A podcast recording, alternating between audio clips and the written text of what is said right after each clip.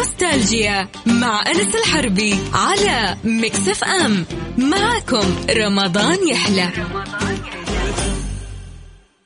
هذه الساعة برعاية eXtra. هلت عروض شهر الجود؟ عروض eXtra على الشاشات والأجهزة المنزلية. بالإضافة لعروض باقات خدمات eXtra. رمضان eXtra عروض eXtra. يسعد مساكم وأهلا وسهلا فيكم في نوستالجيا. معكم أخوكم أنس الحربي. اليوم 26 رمضان. يوم مميز لنا كشعب ومواطنين على هالبلد. المملكة العربية السعودية اليوم هو الذكرى الثالثة لتولي صاحب السمو الملكي الأمير محمد بن سلمان ولاية العهد. باسم إذاعة مكسف أم وجميع منسوبيها. نهني سمو ولي العهد صاحب السمو الملكي الأمير محمد بن سلمان بن عبد العزيز الله يحفظه بمناسبة ذكرى البيعة لتوليه ولاية العهد. ذكرى الإنجازات ذكرى الشموخ وتحقيق الرؤية وكتابة تاريخ المملكة العربية السعودية برؤية طموحة. ذكرى توليه ولاية العهد اللي يتجلى فيها حب الشعب وولاءه لهالقيادة العظيمة والاعتزاز بوطننا الغالي. وكل الأشياء اللي تحققت في هذا العهد المزدهر من إنجازات تاريخية وركائز أساسية لاقتصاد أقوى ومستقبل أكثر ازدهار ونمو. وإحنا هنا إذاعة مكسف أم وجميع منسوبيها. نجدد بيعتنا على السمع والطاعة في المنشط والمكره. داعين الله عز وجل أن يطيل في عماركم ويديم علينا الأمن والأمان والاستقرار. وأن يحفظ بلادنا وقادتنا من كل مكروه. اللهم آمين. ونروح القصة اليوم في نوستالجيا. اليوم قصتنا في نوستالجيا لشخصية يقولوا لها إنه شارح أرسطو ومعلم الغرب اللي هو ابن رشد. ابن رشد كان من الفلاسفة فيلسوف وإنسان عبقري جدا في هالعلم وفي السياسة وفي الحكمة. كان اسمه مشهور جدا في ذلك الوقت.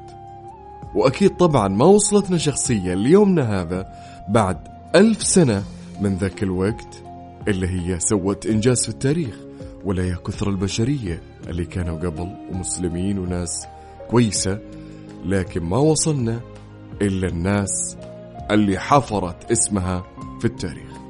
روح لاسمها الشخصية هو أبو الوليد محمد بن أحمد بن محمد بن أحمد بن أحمد بن رشد. ولد في قرطبة بالأندلس اللي هي أسبانيا اليوم سنة 520 للهجرة. كان أبو أحمد قاضي وكان جده أيضا قاضي القضاة. فنشأ ابن رشد في أسرة تشغل المناصب السياسية. من بلغ ابن رشد 11 سنة وكما جرت العادة في علماء ذلك العصر أو مسلمين أو أطفال مسلمين ذلك العصر حفظ القرآن الكريم في هذا السن. ومن وصل عمره 15 سنة حتى أتم دراسة علوم الفقه واللاهوت والحديث والتفسير والأصول من أبوه. ودرس أيضا اللغة والكلام والأدب من علماء قرطبة ذاك الوقت. ما اكتفى ابن رشد باللي أخذه. لأن قلنا هذا البيزك يعني عندهم العلوم الأساسية. هذا الأساس يعني أنا طفل من أطفال المسلمين تأسس عشر سنين قرآن آه، بعدها بكم سنة أخذت الحديث والفقه والتفسير. بعدها إذا بيدرس شيء ثاني طب على شوية رياضيات على شوية كيمياء على فلسفة. يعني كانوا العلماء في ذلك الزمان يا جماعة ما يكتفون بشيء. يعني إحنا في هالزمن صار الواحد يؤمن بتخصص أو مسار معين يمشي عليه طول حياته. لا زمان كان حياتهم كلها علم. علم يعني خلاص أنا بكرة أبى أدرس فلك. فيبدأ في الفلك ويقعد فيها شهور وسنين ويختمها. يلا خلصنا منه حفظناه سوينا كتب رياضيات. ويدرس فيه وهكذا في مختلف العلوم. قلنا ان ابن رشد ما اكتفى بهالعلم اللي اخذه قلنا بيزك هذا شيء أساسي. درس أيضا الطب والرياضيات والفلسفة والمنطق والفيزياء. على يد شخص اسمه أبي جعفر بن هارون الترجاني الطبيب المشهور وعلى يد شخص آخر اسمه أبو مروان بن جربول البلنسي. وهذول كلهم أطباء مشهورين في ذلك الوقت. وأيضا درس الفلسفة على يد شخص اسمه ابن طفيل. وش رأيكم يا جماعة؟ نروح الفاصل. يلا فاصل. وبعد الفاصل نكمل معاكم قصة ابن رشد اللي يسمونه شارح أرسطو ومعلم الغرب. خليكم ويانا. نوستالجيا مع أنس الحربي على Mix FM. معكم رمضان يحلى. هذه الساعة برعاية eXtra. هلت عروض شهر الجود؟ عروض eXtra على الشاشات والأجهزة المنزلية بالإضافة لعروض باقات خدمات eXtra. رمضان eXtra عروض eXtra. Nostalgia مع أنس الحربي على Mix FM. معكم رمضان يحلى. هذه الساعة برعاية eXtra. هلت عروض شهر الجود عروض إكسترا على الشاشات والأجهزة المنزلية؟ بالإضافة لعروض باقات خدمات إكسترا. رمضان إكسترا عروض إكسترا. ورجعنا لكم وأهلا وسهلا فيكم في نوستالجيا. اليوم قصتنا قلنا عن شخصية اسمها إبن رشد. تكلمنا عنه إنه درس الأساسيات وبعدها تفرع في الطب والفلسفة والرياضيات والفلك والمنطق والفيزياء وغيرها من العلوم. ومن وصل إبن رشد عمره عشرين سنة تقدم للعلماء عشان ينال أو ياخذ الإجازات العلمية من هالأساتذة من علوم الدين ومن علماء الكلام والفلسفة. ومن علماء المنطق والطب ومن علماء الرياضيات فنالها جميعا. في حشد وجمهور هائل من العلماء والطلاب وأصحاب المناصب العالية. نال الإجازة يا جماعة الخير في الطب والرياضيات والفلسفة وعلوم الدين والكلام والمنطق عمره عشرين سنة. أنتم متخيلين معاي؟ يعني هو تأسس بالقرآن وعمره عشر سنين أنهى. 15 سنة أنهى العلوم الدينية والتفسير. يعني خمس سنوات خلص الطب والفلسفة والرياضيات والفيزياء والمنطق وأشياء كثير جدا يا جماعة. أشخاص ما هم عاديين وما سجلهم التاريخ من عبث أبدا. نكمل. بعد ما أخذ بالرشد معرفة واسعة في كل هالعلوم بدأ بدراسة وقراءة كتب العلماء القديمين اللي سبقوه يعني. فقرأ كتاب القانون في الطب لابن سينا ذكرناه في قصة ابن سينا والحاوي في الطب للرازي ذكرنا قصة الرازي وقصة الكتاب. وقرأ كتب الفارابي الفلسفية وأرسطو حتى تشبع من المعرفة في الطب والفلسفة. فبدأ الناس يجون يتعلمون على يدينا هو في العمر ذا ويأخذون من هالمعرفة الواسعة. وكان ابن رشد آخذ خطوات ابن سينا والرازي في معالجة الفقراء بدون أي أجر. فكان مثلهم ابن رشد. يعني ثلاث شخصيات كانت تعالج الفقراء مهما كان بدون أجر اللي هم ابن سينا والرازي وابن رشد. بعد مدة من الزمان تولى منصب السلطان شخص اسمه أبو يعقوب بن يوسف وأصبح زعيم لدولة الموحدين. وكعادة هالسلاطين في ذاك الوقت كانوا يختارون وزراءهم لابد أن يكون فيلسوف وطبيب. فاختار السلطان أبو يعقوب شخص اسمه ابن طفيل اللي هو أستاذ ابن رشد واللي علم ابن رشد.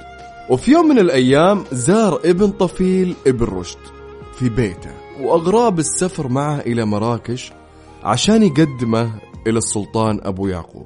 فوافق ابن رشد وخرج مع أستاذه وصديقه إلى مراكش. يقول ابن رشد دخلت على أمير المؤمنين أبو يعقوب يوسف بن عبد المؤمن زعيم دولة الموحدين فحصلته هو ابن الطفيل وما معهم أحد. فأخذ ابن طفيل يثني علي ويذكر بيتي وسلفي ويضم إلى ذلك أشياء لا يبلغها في قدر يعني كان يجاملك يعني رفع بلهجتنا اليوم رفع عند أمير دولة الموحدين. بعد ما انتهى ابن طفيل من مدحي وتلميعي عنده سألني عن اسمي ونسبي. فأجبته باسمي ونسبي بعدها سألني وش رأيك في الموجودات؟ أقديمة هي أم حادثة؟ يقول ابن رشد حسيت بالحياة والخوف وأخذت أتعذر وأتنكر انشغالي فلمح الأمير خوفي وحيائي. فالتفت إلى ابن الطفيل وقال له تكلم عن هالمسألة. فقال ابن طفيل قال أرسطو وأفلاطون وجميع الفلاسفة وقعد يورد في الكلام واحتجاج أهل الإسلام وعليهم في بعض المسائل وقاعد يتكلم ويتكلم ويتكلم. وأنا أنصت لابن طفيل. فقال ابن رشد وهو ينصت قال لم أجد أحدا في غزارة حفظ هذا الرجل اللي هو ابن طفيل. بعدها في مسألة اختلف عليها ابن طفيل مع أمير الموحدين. قال ابن طفيل لابن رشد روح حل هالمسألة لأن أمير الموحدين كان يشتكي من بعض عبارات أرسطو وعبارات المترجمين.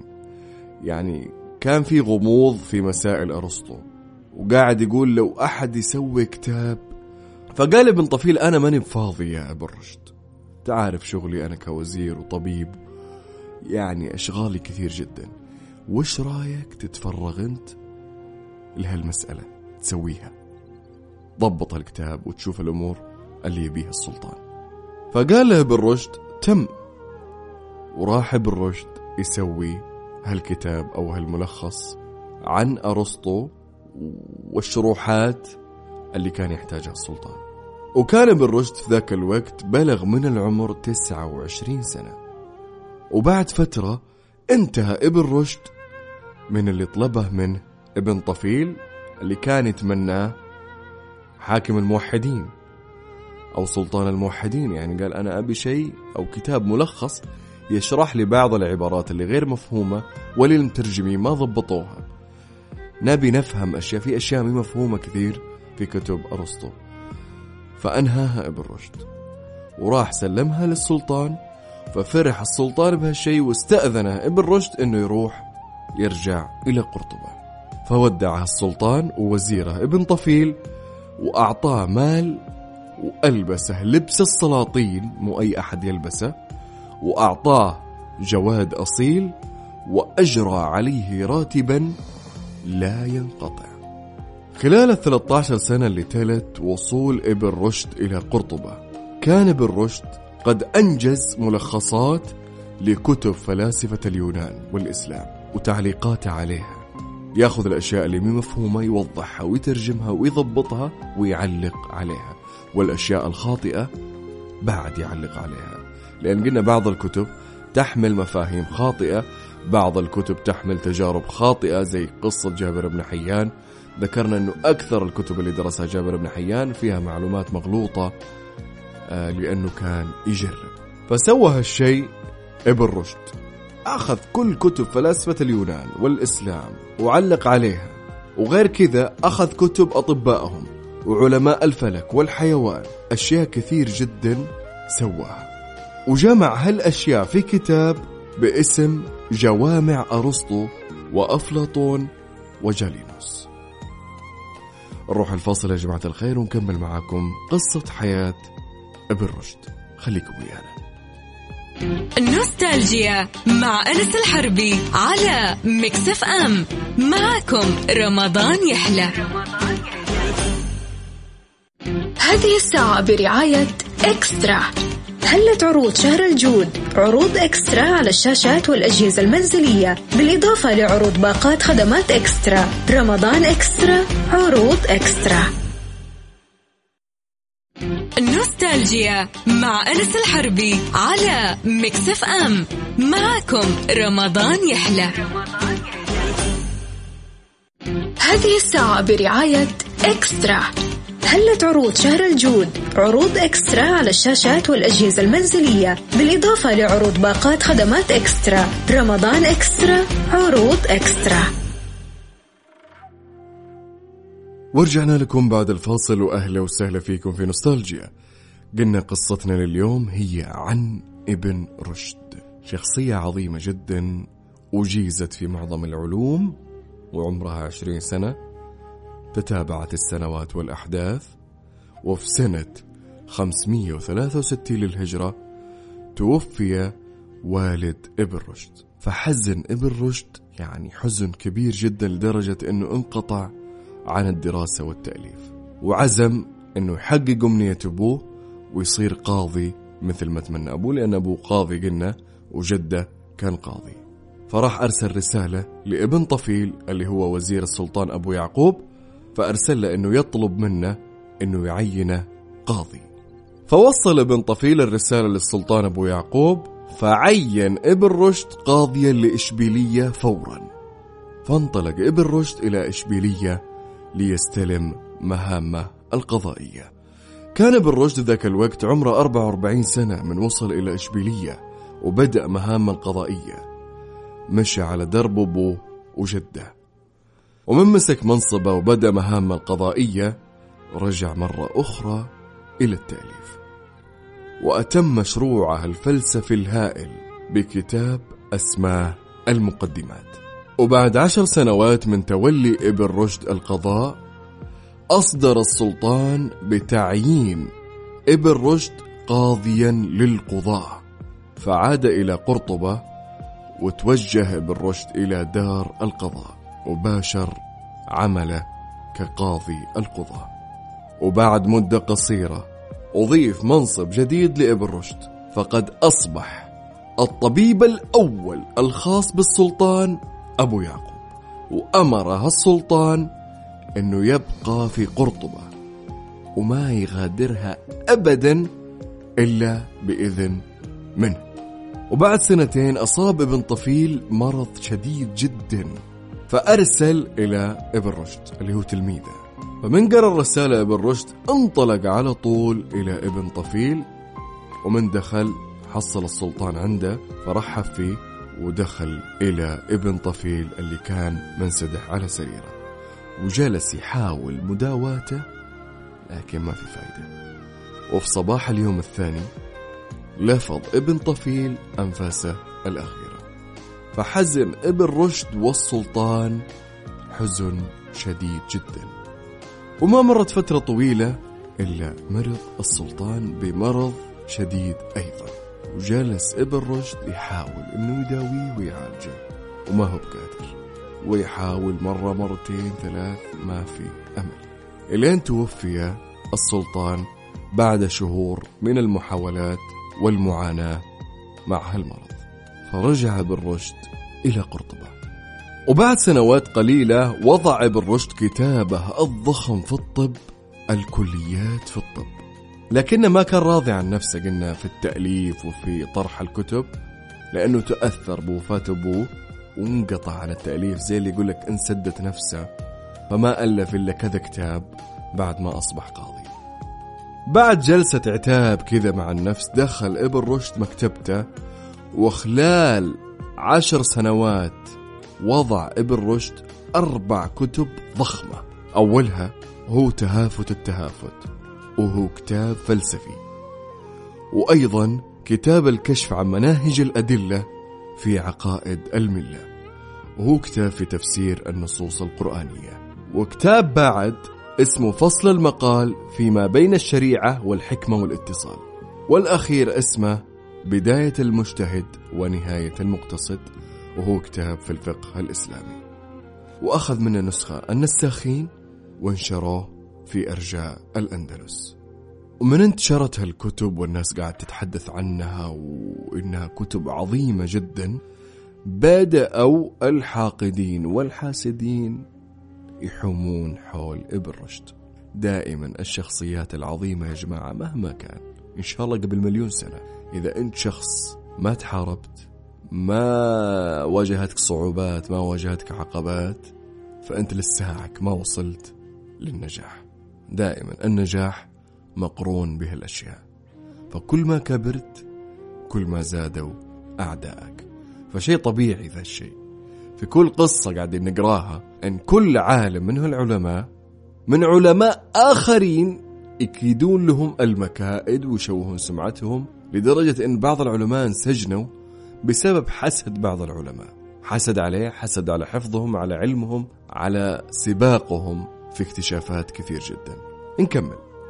قلنا انه بعد ما انتشر هالكتاب وأخذ سمعة وسوى ضجة أو الكتب اللي سواها الأربع سوت ضجه في بلاد الأندلس بعد ما انتشرت بدأ الحساد والوشاة يحومون حول ابن رشد. وقلنا بعد ما توفى السلطان أبو يعقوب مسك مكانه ابنه السلطان الجديد اللي هو أبو يوسف يعقوب بن يوسف. فراحوا قالوا لازم نسقط ابن رشد عنده الحاكم. نروح الجانب آخر ابن رشد في وقت انشغال هالحساد والوشاة بالإيقاع فيه كان يستقبل التلاميذ عنده من كل مكان في الأندلس والمغرب العربي. انتشر صيته قلنا في كل مكان. ومن بين هالتلاميذ اللي حضروا عنده اللي هو أبو محمد عبد الكبير واللي أصبح قاضيا فيما بعد بمساعدة ابن رشد. وبعد سنتين جاء السلطان أبو يوسف إلى قرطبة عشان يعد العدة ويجهز الجيوش لمعركة فاصلة مع ألفونسو التاسع في موقعة أو معركة الأرك. فانتهز الفقهاء هالفرصة والعلماء اللي كانوا حاسدين ابن رشد. فقالوا للسلطان أبو يوسف إحنا ما, ب... ما بنتكلم ولا بننصح الناس إنهم يروحون معاك عشان هالمعركة لأن قلنا السلطان أبو يوسف جاء يجمع الجيوش من رجال قرطبة من رجال الأندلس فاستغلوا هالفرصة هالحساد وهال من الفقهاء والعلماء وقالوا ما إحنا مكلمين الناس ولا إحنا حاثينهم على هالشيء إلين تطيح بابن رشد نبي رأس ابن رشد. فدبر تمثيلية شخص اسمه محمد عبد الكبير اللي هو كان طالب عند ابن رشد واستفاد من علمه. فهذه نهاية المعروف. فهو اللي دبر الخطة لهم. أو خطة تمثيلية. وكان رئيس خصوم ابن رشد. فجاء السلطان معاه رئيس الخصوم أو رئيس خصوم ابن رشد اللي هو أبو محمد عبد الكبير اللي كان طالب عنده وخان أستاذه أو معلمة ابن رشد. وكان ابن رشد حاضر يناظرهم. يعني أنا سويت.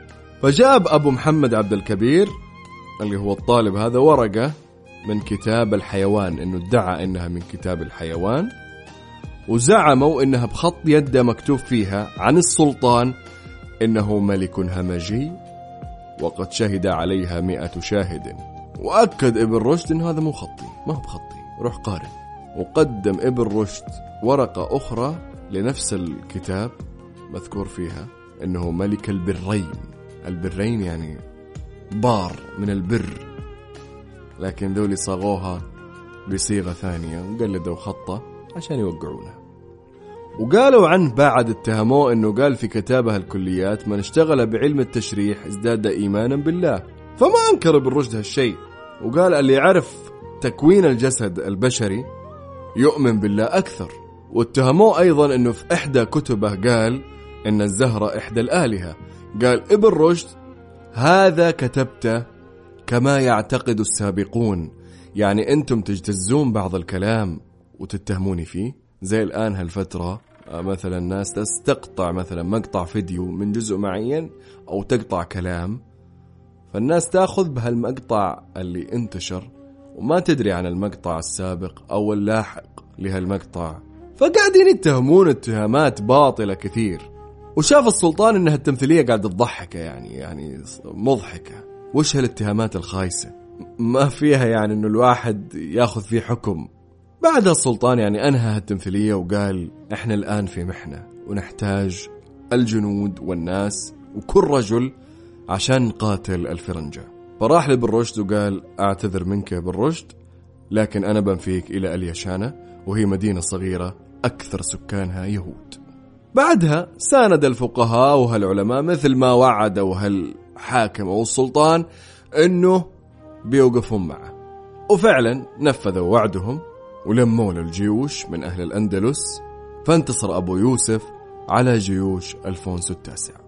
وما وقفوا على كذا بعد ما انتهت الأمور هذه وطيروا إبن رشد وخلوا الأمير ينفي إلى ديار اليهود حركوا الوعاظ في المساجد والشعراء وكل الناس بأبيات ضد ابن رشد. فوق ما إنهم أذوه وبعدوه عن منطقته وعن منصبه.